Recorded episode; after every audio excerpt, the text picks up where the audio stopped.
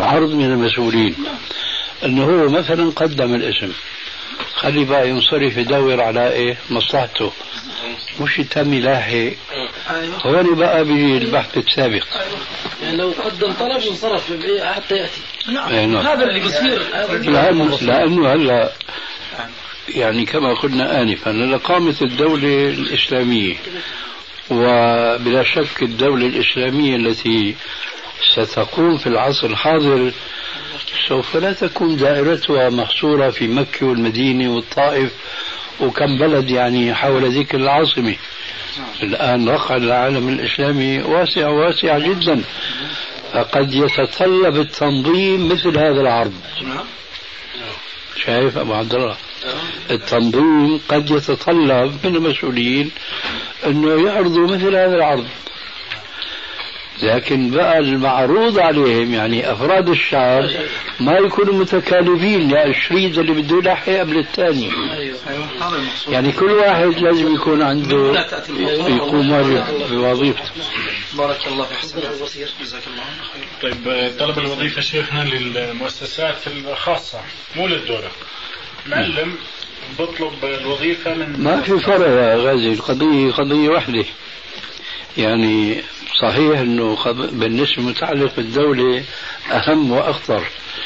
لكن القضية كلها مشان صيانة المسلم لنفسه إنه ما يعرض ولا يطلب. كما قيل السؤال ذل ولو أين الطريق؟ وفي الأحاديث الصحيحة أن الرسول عليه السلام لما بايع الناس أو على الأقل طائفة من الناس بايعهم على أن لا يسألوا الناس شيئا. هذا من الحكمة في البحث السابق. فكان أحدهم إذا كان راكبا على ناقته ووقع الصوت من يده والمار تمر بين يديه لا يقول ناولني الصوت من فضلك وإنما بنيخ الناقة وبيستلمها إيش؟ بيده. ذلك ليكون المسلم في قرارة نفسه عزيزا. لا يسأل إلا الله. حتى في قضايا هي مما يجوز التعاون عليها بين الناس. وهذا بيرنا إلى موضوع مهم جدا. ولا يزال كثير من المشايخ بيناقشوا في ذلك وبيجادلوا مجادلة باطلة. وخطيرة جدا وهي أنهم يجيزون للمسلم أن يستغيث بغير الله من الأموات من الموتى الذين لا يملكون لأنفسهم ضرا ولا نفعا. فالإسلام وجه المسلم أن الحي ما يطلب من الحي ما دام يسعه واقعه ألا يسأل وهي المثال ناولني الصوت. لا أنا بس ناول بيدي. فما بالك بالمسلم ينسى الله في في ساعات الشدة وينادي غير الله وهذا المنادى لا يستطيع أن يجيبه حتى لو كان حيا. فإذا كانت الاستغاثة استغاثة كما قال بعض السلف استغاثة الحي بالميت كاستغاثة المسجون بالمسجون يطلع بإيده آه، لكن استغاثة الحي بالحي جائزة بما هو في حدود في حدود معينة. فهو مثلا لا يجوز له أن ينادي من كان بعيدا عنه يا فلان أغثني. لكن إذا واحد كافر مثلا هم بضربه ومر رجل مسلم بعيد شوي بيقول له يا فلان اغثني من هذا الكافر. هذا يجوز. لكن باستطاعتك لما يقع الصوت منك إنك ما تقول له ناولني يا أخي الصوت لأنه باستطاعتك أن لا تسأل أن لا تسأل. فإذا القضية هنا آه، ينبغي أن لا ينظر إليها فقط في دائرة تعلق السؤال بالدولة. بأي إنسان آخر؟ بأي إنسان آخر؟ وبلا شك أنه مثل هذا السؤال نحن ما بنقول أنه لو سأل ارتكب محرما لكن هذا يحتاج إلى أن يقوي إيمانه بالإعتماد على الله عز وجل. هل الحديث صحيح؟ موجود في مجموعة في فتح التجديد أنه كان منافقا يؤذي صحابة رسول الله صلى الله عليه وسلم في المدينة. أو صحيح ليس صحيحا. نستغيث برسول الله. فقال بعضهم قال أبو بكر هيا بنا لنستغيث برسول الله. فقال لا تستغيثوا بي واستغيثوا بالله عز وجل. ليس صحيح. هذا حديث ضعيف في إسناده رجل فاضل لكنه كان أصيب بسوء الحفظ وهو عبد الله بن لهيعة من قضاة مصر الأفاضل فهو إسناده ضعيف. مع أنه إخواننا يعني الذين شرحوا فتح شرح كتاب التوحيد كذا يستشهدون به كثيرا. أي نعم هذول إخواننا أخي. يعني الحقيقة برزوا في علم التوحيد. نعم. لكن مع الأسف ما أعطوا علم الحديث حقه. أنه شيخ الإسلام ابن تيمية في الاستغاثة يضعف ويورد ويضعف. إيه. هو يريد ما أذكر أنا بس يريد أحيانا يسكت عنه. في هذا الموضع متأكد ممكن يعني ممكن. نعم. الآن نسأل آه، هل هل التحالف مبدأ التحالف مع الكفار جائز؟ وإذا كان جائزا آه، ما هي الشروط والضوابط لمثل هذا التحالف؟ وماذا نفهم من قوله تعالى لا حلف في الإسلام لا تحدث حلفا في الإسلام. حديث ما هو ما هو أي؟ لا حديث قولي عفوا من قوله صلى الله عليه وسلم. أي نعم. عفوا. آه، حليف القوم منهم. وإذا كان لا يجوز آه، كيف نفهم آه، مثلا حلف الرسول صلى الله عليه وسلم مع خزاعة واليهود في في المدينة؟ هو هذا الحديث في فهم الموضوع. قبل ما جاوب أنت طبعا تحكي عن الأمر المتعلق بالدولة الإسلامية أليس كذلك؟ المسلم أنا أريد الجواب الحقيقي. هذا تحفظ مني يا أستاذ طلعت. أنا يعني أريد يعني جواب شامل يعني الحلف يقوم به الحاكم المسلم أو إن صح التعبير ما يتولى أمر أمر المسلمين ما يتولى من يتولى أمر المسلمين أو جماعة إسلامية ان صحينا صح التعبير. طيب. هل هناك فرق بين الحلف الذي تصنعه الجماعة الإسلامية الجماعات أو الحلف الذي يصنعه الحاكم أو الخليفة؟ إيه، لا شك هناك فرق كبير. فجيبونا الله يجيب. لا حلف في الإسلام هذا نص عام. والتحالف الذي وقع في بعض الحوادث السيرة خاص. ومع الخصوصية يجب التحفظ بدراسة السند. هل ذلك ثابت عن الرسول عليه السلام أم لا؟ هذا تحفظ لا بد منه لأنه يوجد في كتب السيرة قصص وحوادث تذكر على أنها أمور مسلمة لا شيء فيها وهي ليست كذلك. من ذلك مثلا الحديث مشهور لما الرسول فتح مكة فقال اذهبوا فأنتم الطلقاء. ما في أشهر من هذه الرواية وهي رواية غير صحيحة على طريقة علماء الحديث.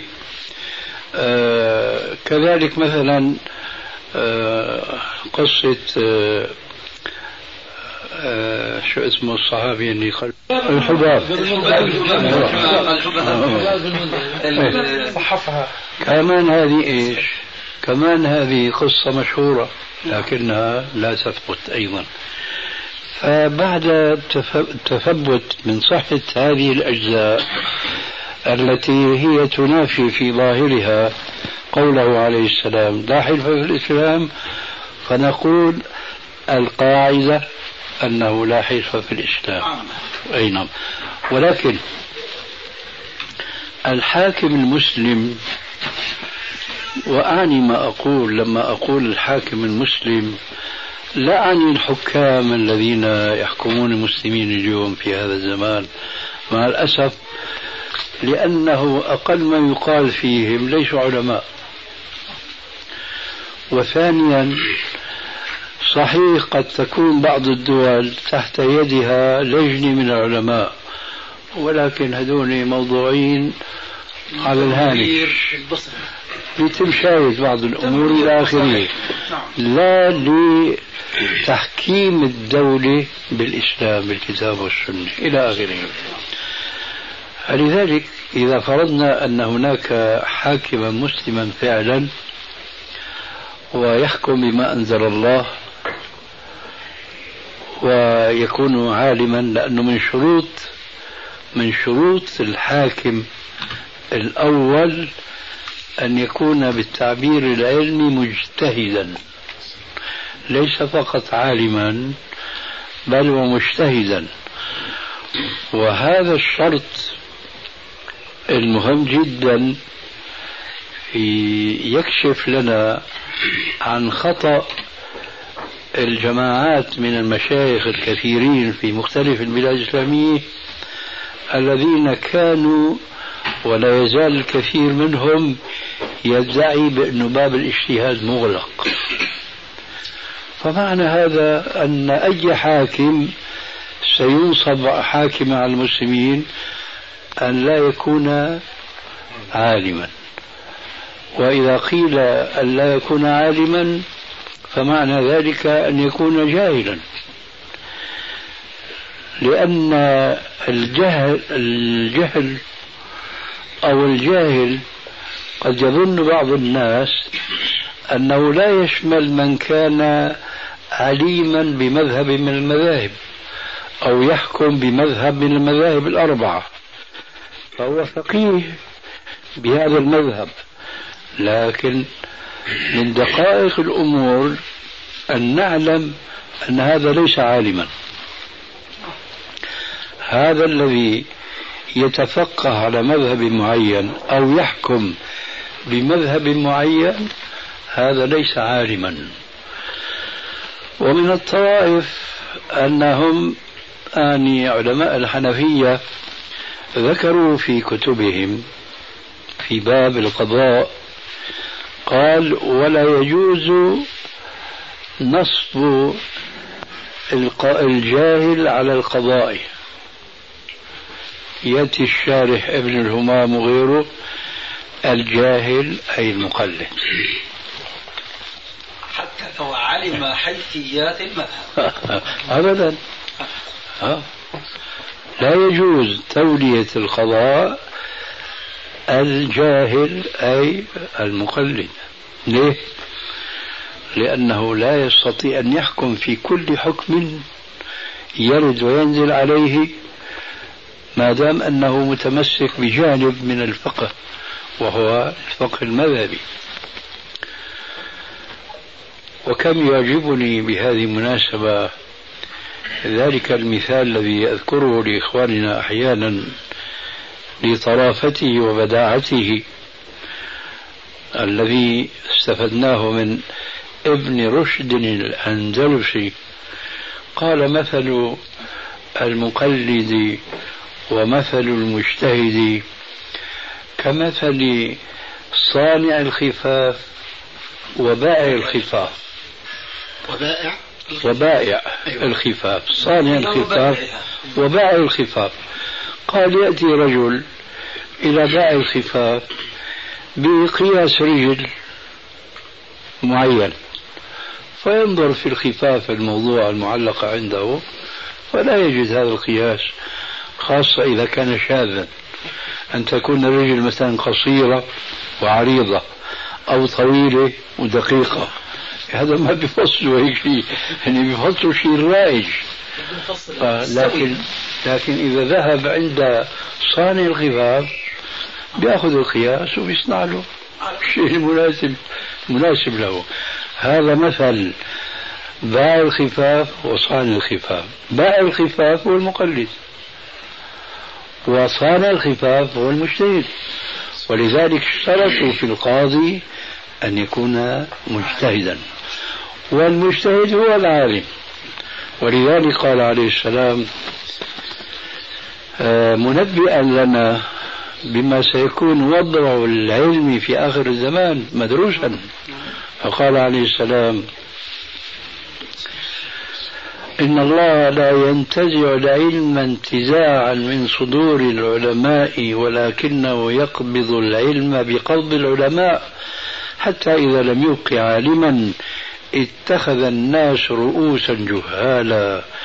فسئلوا فأفتوا بغير علم أضلوا أضلوا. اليوم تجد هذه النبوءة ملموسة لمس اليد. كبار من يظن فيهم علماء وما العهد بكم بهذا المفتي المصري الطنطاوي الذي أفتى بحل الربا؟ هذا ليس عالما هذا رجل مش علي الطنطاوي شو اسمه هذا المصري؟ سيد ها؟ آه هؤلاء شو وظيفته مفتي ولا إيش؟ مفتي مصر؟ آه؟ مفتي مصر اتخذ الناس رؤوسا جهالا مفتي مصر. فسئلوا يجوز؟ قال يجوز. ولف ودار واحتال على نصوص الكتاب والسنة المحرمة للربا. كما فعل اليهود يوم السبت وكما فعلوا حينما حرم رب العالمين عليهم الشحوم.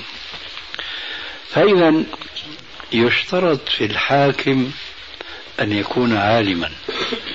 لكن إن كان كما هو الشأن اليوم لا يكون عالما لكن لازم يكون مستند إلى علماء فلا يأتي ولا يذر شيئا إلا بناء على رأي مجلس الشورى من أهل العلم. كما أنه ينبغي أن يكون عند مجلس الشورى في مثلا السياسة في الاقتصاد في الجند العسكري إلى آخره. لازم يكون عنده إيش؟ ناس متخصصين في العالم. فيما يتعلق بالاقتصاد وما يتعلق بالجيش وهذه كلها يعتمد أكبر رئيس اليوم عليهم. أما ما يتعلق بالدين حلال وحرام فنادر جدا أن نرى من يهتم بمثل هذا الأمر. فإذا لا نستطيع نحن أن نقول أن قوله عليه السلام لا حلف في الإسلام لما خصصناه ببعض الجزئيات التي صدرت من الرسول عليه السلام إذا صحت تلك الجزئيات فيكفي أن الرسول عليه السلام هو الذي تصرف مثل هذا التصرف. فلمن كان وارثا له في علمه أن يجتهد في بعض الجزئيات فإذا أرى فنقول له يجوز لك أن تخصص هذا النص العام الشأن فيه تماما كما هو في مثل قوله عليه السلام لما جاءه بعض المشركين ليجاهد معه قال عليه السلام إنا لا نستعين بالمشرك. مع ذلك فقد ثبت في السنة أن النبي صلى الله عليه وسلم استعان ببعضهم. ويكفي مثال على ذلك أنه كان آه، استعار من أحد المشركين صفوان ولا إيش اسمه؟ صفوان. دروع. فقال يا رسول الله أغصب أم عارية مؤداة؟ قال لا بل عارية مؤداة فهذه الاستعانة التي ثبتت عن النبي صلى الله عليه وسلم تستثنى من القاعدة. لكن لا نعكس الموضوع. القاعدة تكون قاعدة. وما تقتضيه المصلحة الزمنية من الحاكم المسلم الذي هو عالم كما قلنا أي مجتهد أو عنده علماء مجتهدون لا يأتي بشيء ولا يتصرف في شيء إلا بناء على فتواهم. فإذا درسوا الوضع دراسة بكل علم وتجرد فلهم أن يستثنوا بعض الحوادث من مثل هذه القاعدة أو تلك القاعدة الأولى. فلا حلف مثل لا نستعين بمشرك. كلتاهما قاعدتان ثابتتان. لكن كلتاهما تتعلقان بالحاكم المسلم وليس بفرد أو جماعة من المسلمين ينصبون عليهم مثلا رئيسا. وقد يبايعونه. وهذه البيعة ليست شرعية لأنه لا بيع في الإسلام إلا للإمام الأول. فلا يجوز تطبيق مثل هذه الأحكام بالنسبة لبعض الجماعات التي لا تمثل الأمة الإسلامية ولم تبايع من الأمة الإسلامية. قد تكون بويعت من طائفة من الأصحاب والأصدقاء وإلى آخره لكن ليست هذه هي البيعة. معلوم هذه بداهة. فإذا الجواب أظن الآن انتهى أن هذا الحكم خاص بالحاكم المسلم وله بعض المستثنيات بالاجتهاد المقرون بالعلم.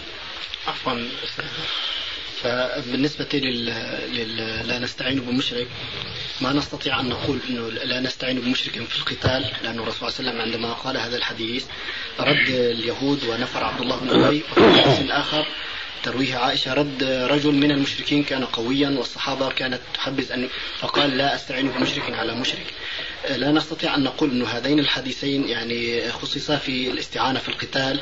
أما الآخر الاستعانة آه، في مثلا السلاح أو المعونة وكذا لا أولا آه، أولا كما أظن يعلم الحاضرون العبرة بعموم اللفظ وليس بخصوص السبب. فلا نستعين بمشرك لفظ عام. يشمل الاستعانة في مباشرة القتال والاستعانة بسلاح من لا يباشر القتال كصفوان مثلا. ولسنا مضطرين إلى مثل هذا التضييق لمعنى الحديث لأنه حينئذ حتكون الخسارة أكثر بكثير من الربح. نحن إذا ما قيدنا الحديث بمباشرة القتال معناها ذهبت أجزاء كثيرة وكثيرة جدا من الاستعانات في المشركين تبقى على الأصل وهي الإباحة. بينما الرسول أطلق وله الحكم المطلق فلا يجوز أن نقيده. لماذا نقيده؟ لكي لا تتعارض بعض الجزئيات. لا نقول نحن عام مخصص. فيبقى النص العام في عمومه وشموله ولا نسلط عليه التخصيص إلا ببعض الجزئيات القليلة. الله يجزيكم خير. طيب أستاذنا الكريم بالنسبة للحلف هناك من يقول إنه لا قوله صلى الله عليه وسلم لا تحدثوا حلفا في الإسلام حليف القوم منهم آه، ومن يت... قوله تعالى أيضا ومن يتوله منكم فانه منهم. هناك من يقول إنه هذه النصوص ناسخة للأحلاف التي صنعها الرسول صلى الله عليه وسلم مع حلف خزاع وكذا. وأيضا يستشهدون بآية السيف في سورة براءة براءة من الله ورسوله كذا. فلا نستطيع أن نقول إنه هذه النصوص ناسخة للأحلاف التي صنعها الرسول صلى الله عليه وسلم في بادئ الأمر حيث كان في مرحلة إصداف مثلا أو مرحلة من المراحل. مدحول مع الفضول كذلك. هو الحديث نفس الحديث لو تتم هذا فأنه فلا نستطيع أن نقول هذه النصوص ناسخة للأحلاف التي صنعها الرسول صلى الله عليه وسلم فيها. النسخ يا أخي له شروط عند أهل العلم. أولا لا ينسخ نص خاص بنص عام. وإنما يخصص النص العام بالنص الخاص. مثلا ذكرت أنت في جملة ما ذكرت ومن يتولهم منكم فإنه منهم. هذا نص عام. فمحالفة الرسول عليه السلام أو من ينوب مع الرسول في بعض الجزئيات كما شرحنا آنفا. الآية أستاذ الكريم سبب نزولها يعني لعله واضح في يا أخي ما بيجوز التمسك بسبب النزول وتقييد النص العام. راح ترجع القضية نفسها التي قلناها آنفا بالنسبة للنص السابق أنه عام وهو إنا لا نستعين بمشرك. فأنت رجعت تذكرنا بالسبب سبب الورود لا يخصص النص العام الذي تلفظ به الرسول عليه السلام. لذلك قال العلماء العبرة بعموم اللفظ وليس بخصوص السبب. هذه لها نماذج كثيرة وكثيرة جدا. مثلا قوله تعالى خذوا زينتكم عند كل مسجد. نزلت هذه الآية كما هو متفق عليه بين علماء التفسير بخصوص أن المشركين في الجاهلية كان من عادتهم أنه إذا طاف أحدهم حول الكعبة لا فرق بين الذكر والأنثى طافوا عراة. فحتى كانت المرأة منهم حينما تطوف كذلك تقول اليوم يبدو بعضه أو كله فما بدا منه فلا أحله. غضوا أبصاركم يا رجال. هيك الدين تبعهم أنه تطوف المرأة كما خلقها الله عز وجل. فأنزل الله خذوا زينتكم عند كل مسجد أي استروا عوراتكم نساء ورجالا. الله أكبر. وين نص القرآن؟ خذوا زينتكم عند كل مسجد وين المناسبة؟ أكبر شيء يتعلق بالزينة هو ستر العورة. لكن ما نقف عند هنا. في كما قال عليه السلام من كان له رداء وإزار فليرتدي وليتزر فإن الله أحق أن يتزين له. خذوا زينتكم عند كل مسجد. أه سبب الورود مضى وانقضى. مشركين في الجاهلية عاشوا على هذه الضلالة. أنزل الله تربية لمن أسلموا. أنه حاجتكم بهذه الضلالة. سترنا عورتنا. يا ترى ما هي عورة الرجل؟ معروف عند العلماء جميعا. ما بين السرة وركبة طيب تفوت بالصلاة وبدنك كله عاري. لا قال عليه السلام لا يصلين أحدكم وليس على عاتقيه من ثوبه شيء. وقال إذا كان له ثوبان فليتزر وليرتدي وإذا كان له ثوب واحد فليلتحف به. مو بس يستر عورته يلتحف به بالأخير بيقول فإن ضاق فليتزر به فإذا الآية الكريمة هنا لا ينظر لسبب ورودها وهو ستر العورة فنعطل دلالتها العامة. كذلك ما سبق من النماذج ومنها الآية الكريمة ومن يتولهم منكم فإنه منهم. التولي نص عام. لكن والله يمكن إذا تحالف الحاكم المسلم مع طائفة من المشركين هذا يمكن يعتبر إيش؟ تولي. لا مش ضروري أولا يكون تولي وإن كان فهو مستثنى مثل الاستعانة التي تكلمنا عنها آنفا وهي التي تتعلق بقول عليه السلام آه إنا لا نستعين بمشرك. الخلاصة أن وظيفة العالم أن يجمع بين النصوص ولا يضرب بعضها ببعض. أن الحكم الفلاني منسوخ.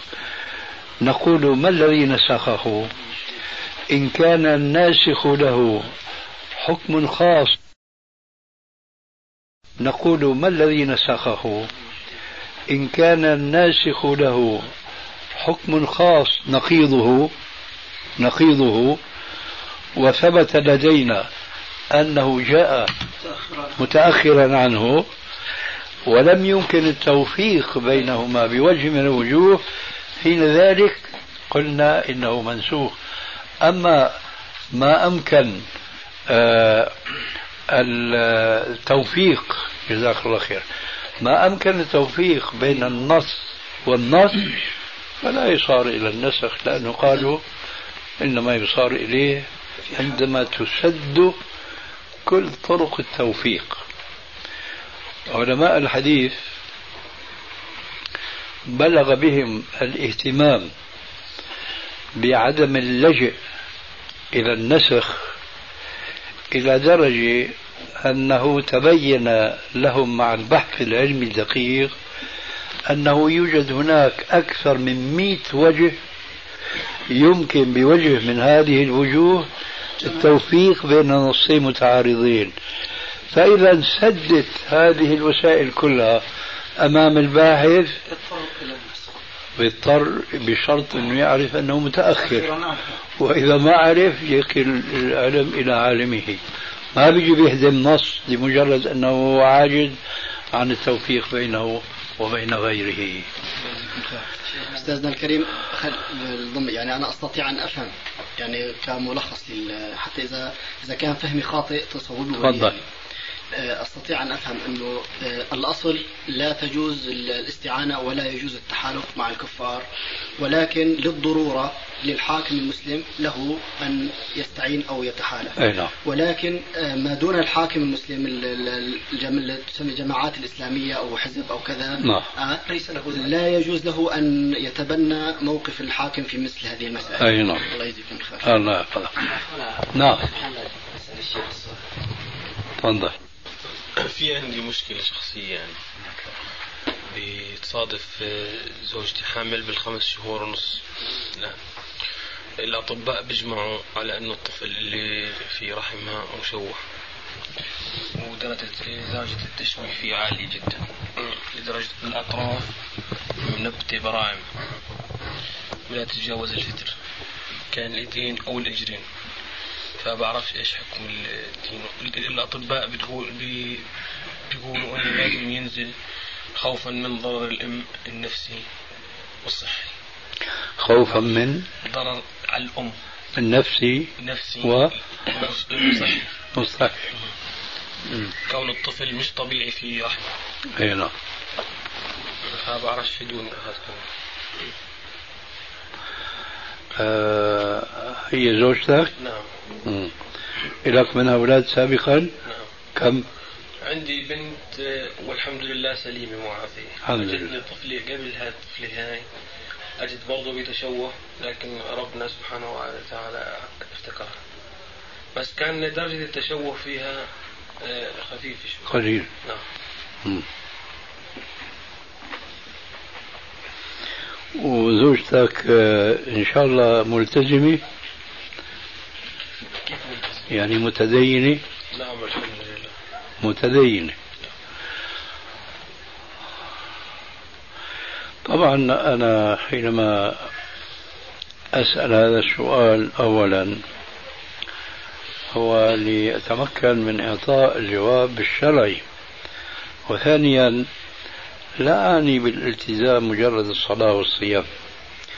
فهل هي مؤمنة بقضاء الله وقدره؟ وأن كل قضاء الله عز وجل بالنسبة للمؤمن خير.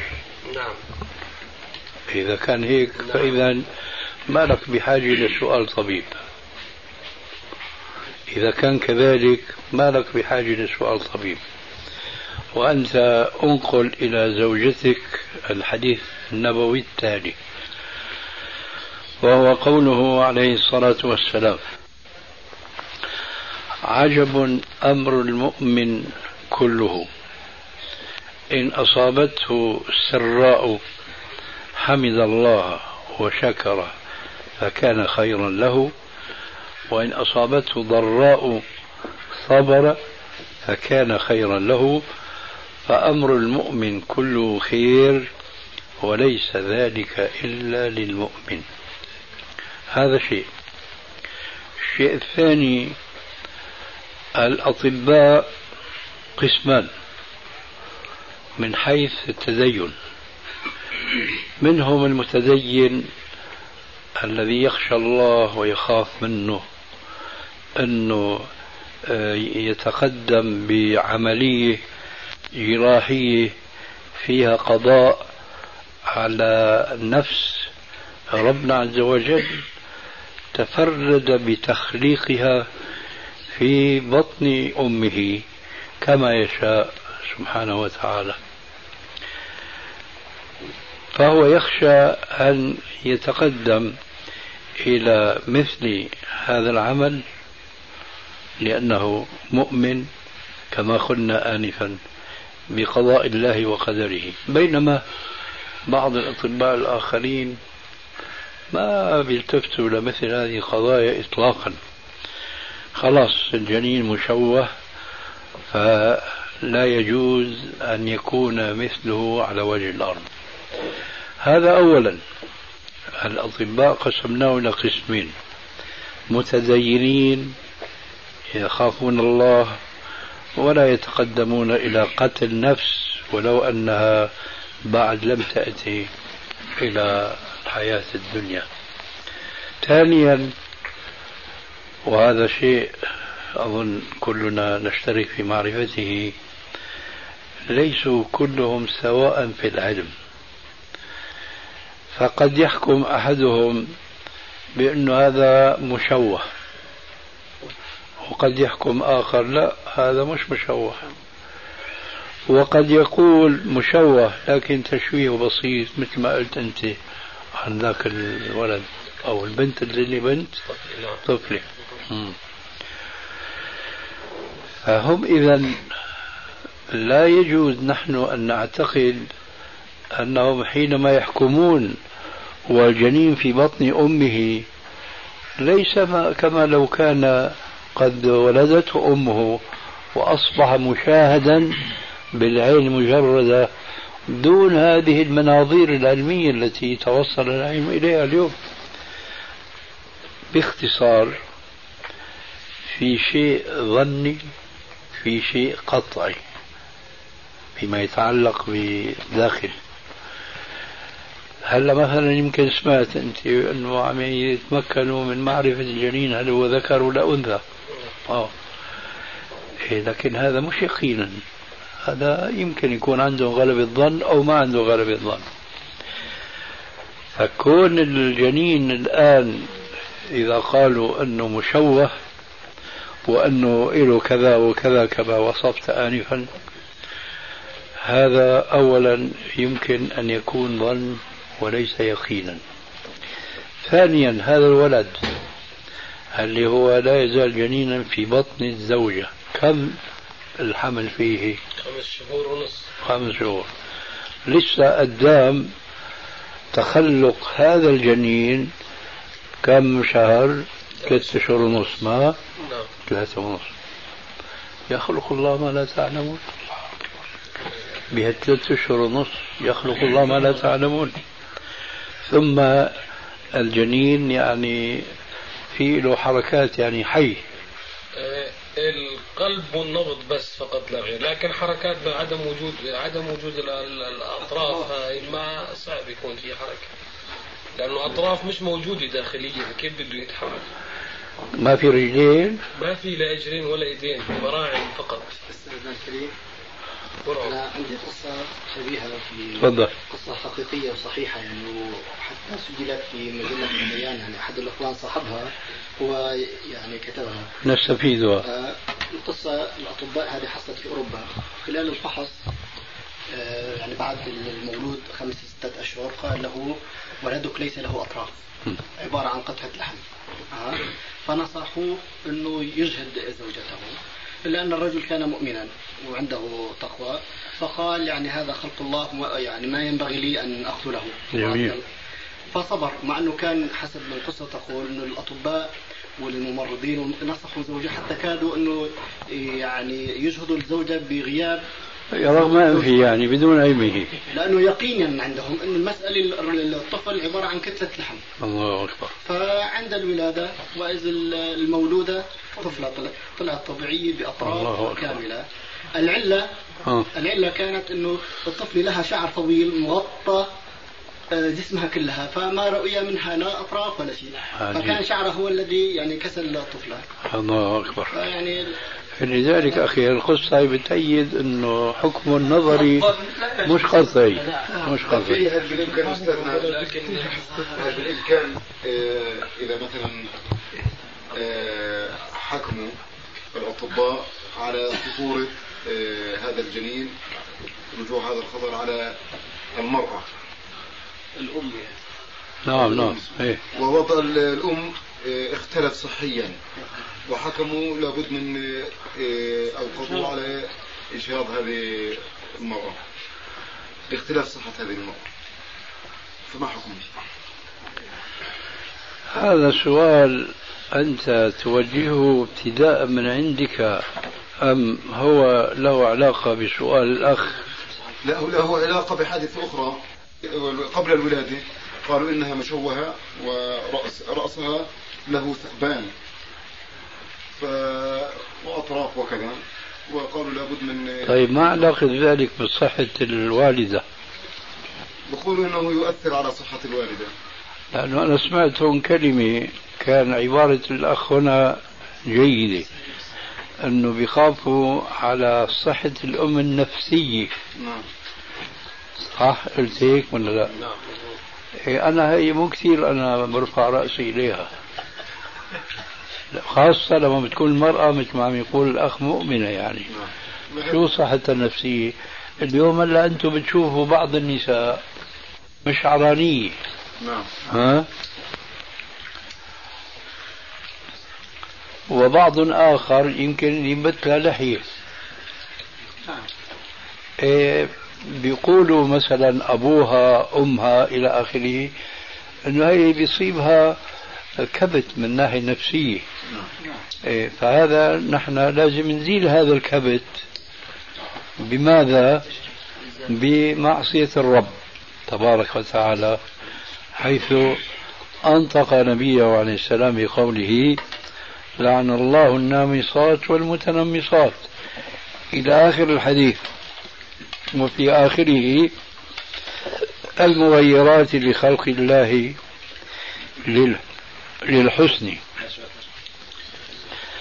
فحينئذ نحن ما نوافق على هذه النظريات الطبية أنه محافظة على صحة النفسية لأن هذه المعالجة ليست معالجة شرعية لهذه المشكلة إنما هي معالجة على طريقة آه، أبي نواس على مذهب أبي نواس الذي كان يقول وداوني بالتي كانت هي الداء فمداواة الأمراض النفسية ما بتكون بمخالفة النصوص الشرعية وإنما بالتزامها أولا وبتربية هذيك النفوس على كما قلنا آنفا الاستسلام لقضاء الله وقدره.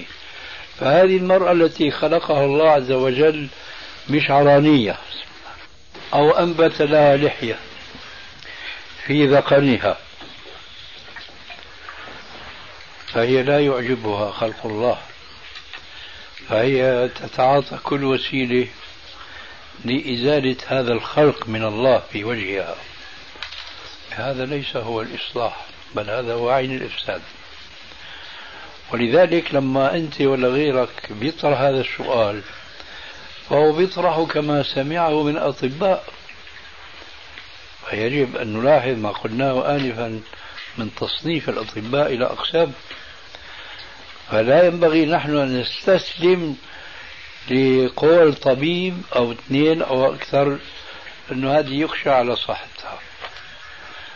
بدنا نتصل مع أطباء مسلمين ملتزمين أولا بدينهم بيعرفوا الحرام فبيجتنبوه وبيعرفوا الحلال فبيواقعوا وثانيا هن ماهرين في اختصاصهم في طبهم في مهنتهم. لأنه اليوم أنا أسمع كثير من مثل هذه الكلمات فيقع الرجال والنساء في معاصي لله لمجرد قول طبيب ما نعرف أصله ولا فصله. مجرد أن الطبيب قال هي يخشى عليها. إذا بيجهضها. ولو بعد نفخ الروح في الجنين. وهذه بلا شك قتل النفس. قتل النفس. جاءت طفلة الطفلة هذه وجهها وجه قط وإيديها إيدين قط وشعر قط وجهها صغير هالقد وجهها كبير وجسمها صغير. وماتت؟ نعم. لا هم لما أخبروا الأطباء أخبروها لابد من الإجهاض. أجهضوها يعني. نعم. إيه. نسأل الله. إذا افترضنا بالفعل أو حتى إذا صح بالفعل أنه ترتب على ذلك انعكاس صحة النفسية أكيد. بدرينا لا عفوا يعني, يعني ما هو بالتجارب على سبيل المثال إذا صح أن هناك عدة حالات نفسية ها أصيبت فيها كثير من النساء من جراء وضعها لبعض هذه يأتي سؤال. نعم. التي أصبنا بمثل هذه الحال. مؤمنات؟ مش مسلم ليس السؤال مسلمات. مؤمنات؟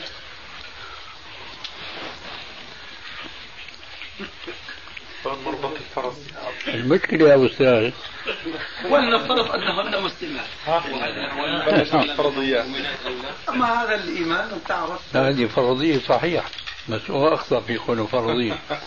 هو لازم يقول مسلمة طبعا. أما لو قال نفترض أنها مؤمنة. صحيح. قال؟ قال يعني فن العفو أنا نعم نعم.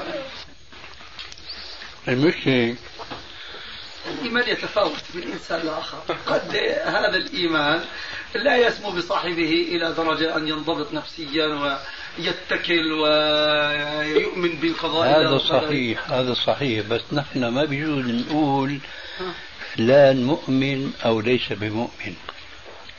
نعم لكن الواقع هو الذي ينبينا. هذا الواقع بالنسبة لزينب من النساء ما صار واقعا.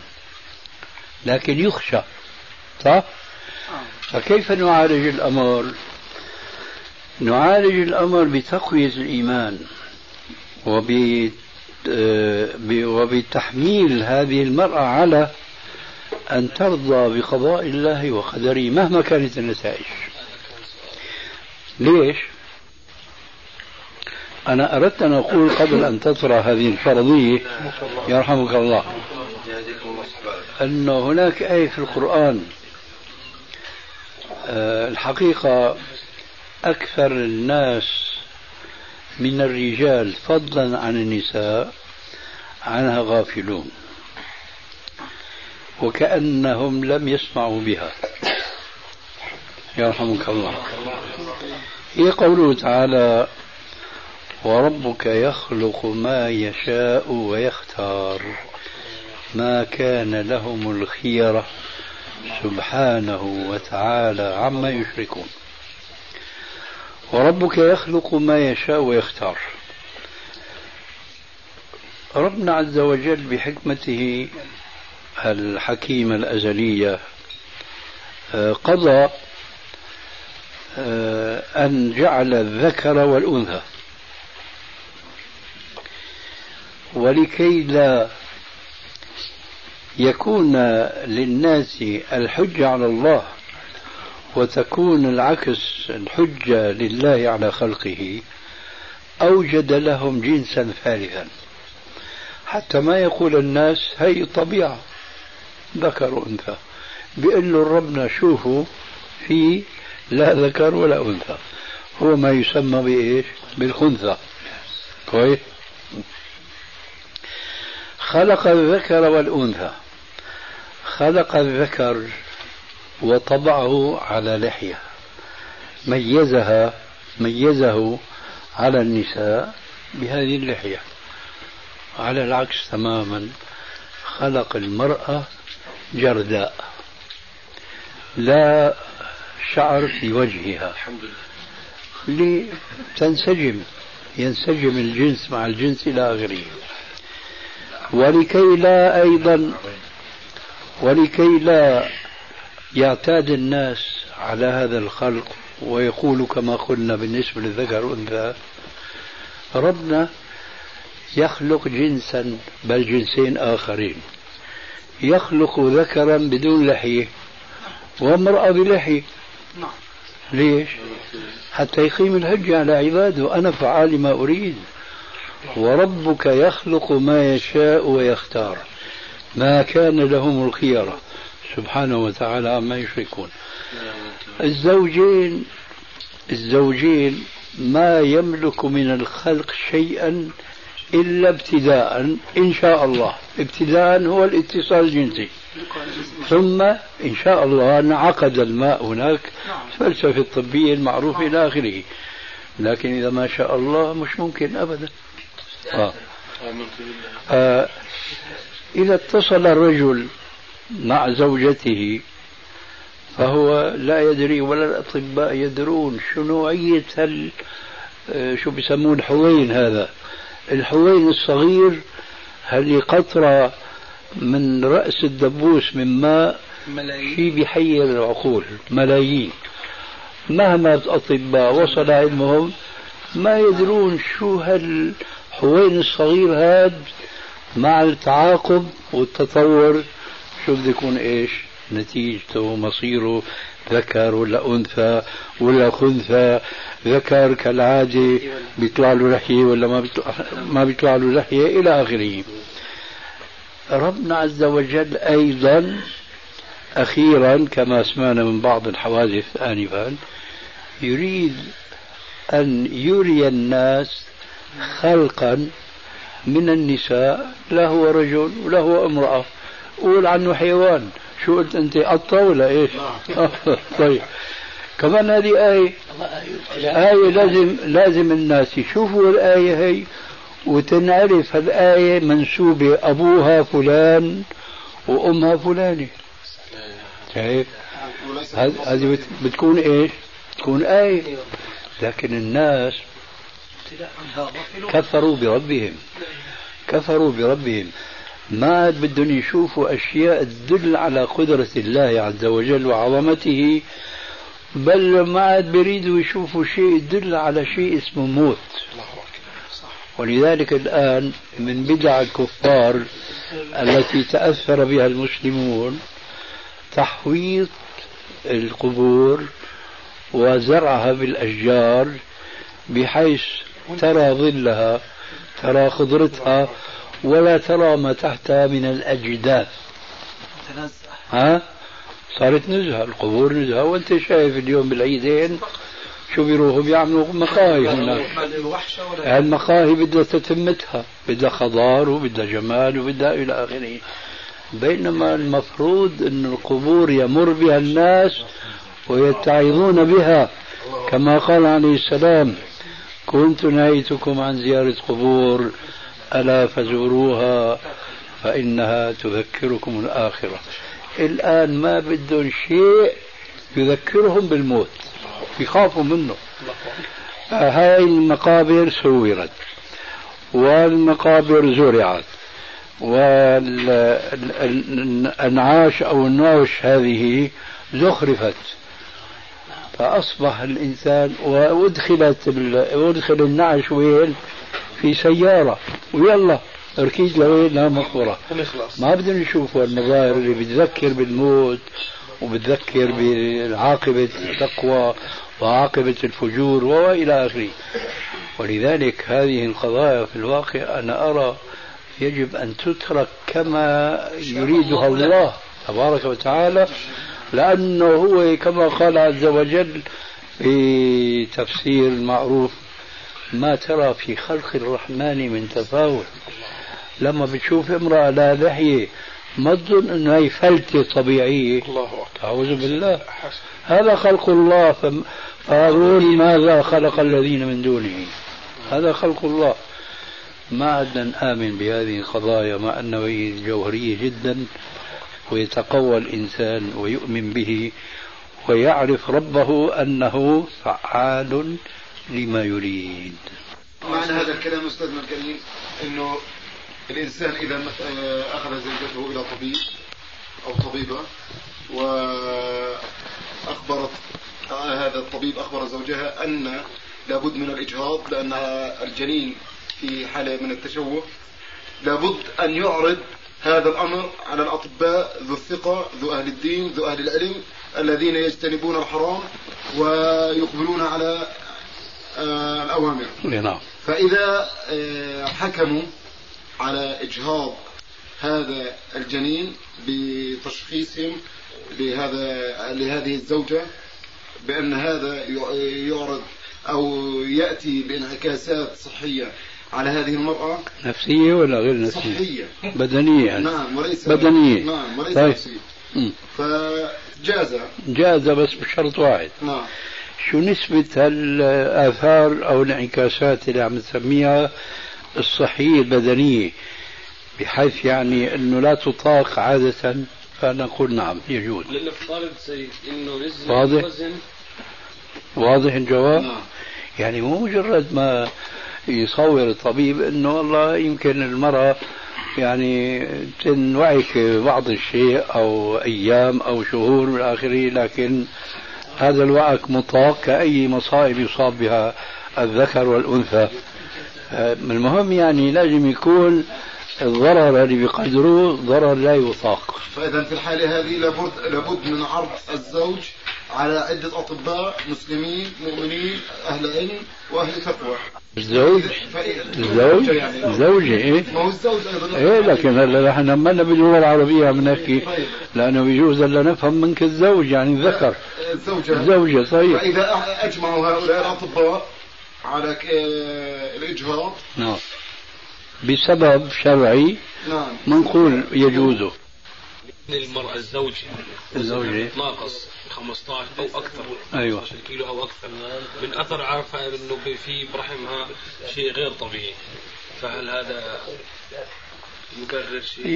يعود البحث إلى نفس النتيجة اللي يتحدث فيها الأخ آنفا وهو أن هذا النقص هو طبيعي بالنسبة للحوامل ولا غير طبيعي؟ هذا أولا. نفترض أن الجواب ما هو نقص طبيعي. آه، غير طبيعي. نفترض هيك طيب. آه بدنا نعالج شو السبب؟ السبب إما أن يكون أمر لابد منه وإما أن يكون بسبب التوهيمات الأفكار التي تقدم إلى هذه المرأة. حينئذ يعود البحث السابق بيكون معالجة بالإسقاط